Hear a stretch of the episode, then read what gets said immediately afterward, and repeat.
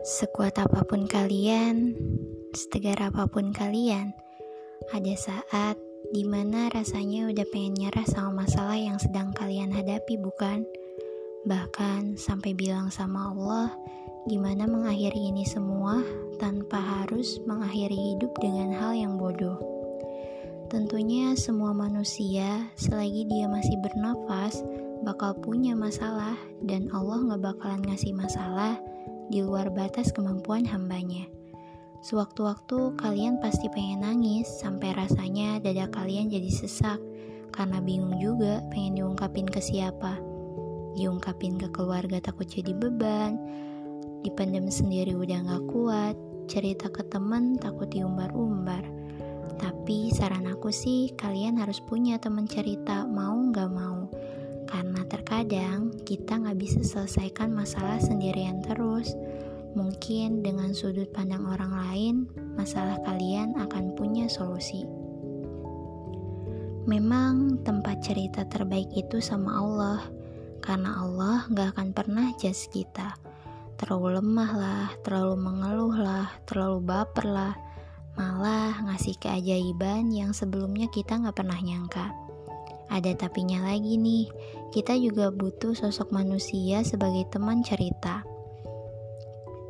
Terlepas dari kita manusia yang berlabel makhluk sosial. Ada kalimat dari teman aku nih, katanya saat menghadapi masalah itu, sendiri bisa tapi berdua lebih menyenangkan. Dan yang aku bisa simpulkan dan sedikit diperluas maknanya bahwa saat kita punya masalah, terus sharing ke teman cerita walau kadang tak menemukan titik solusi, setidaknya rasa sesak di dada ini bisa berkurang loh. Soalnya aku pernah ngalamin sendiri juga. Bisa lebih lega lagi, nemu titik solusi saat kita udah diskusi. Jadi aku bakal ngucapin terima kasih banyak sama teman cerita aku yang mau dengerin kisah aku hari itu. Yang kadang sedih, bahagia, ngeselin, bahkan gak jelas. Yang gak kenal waktu.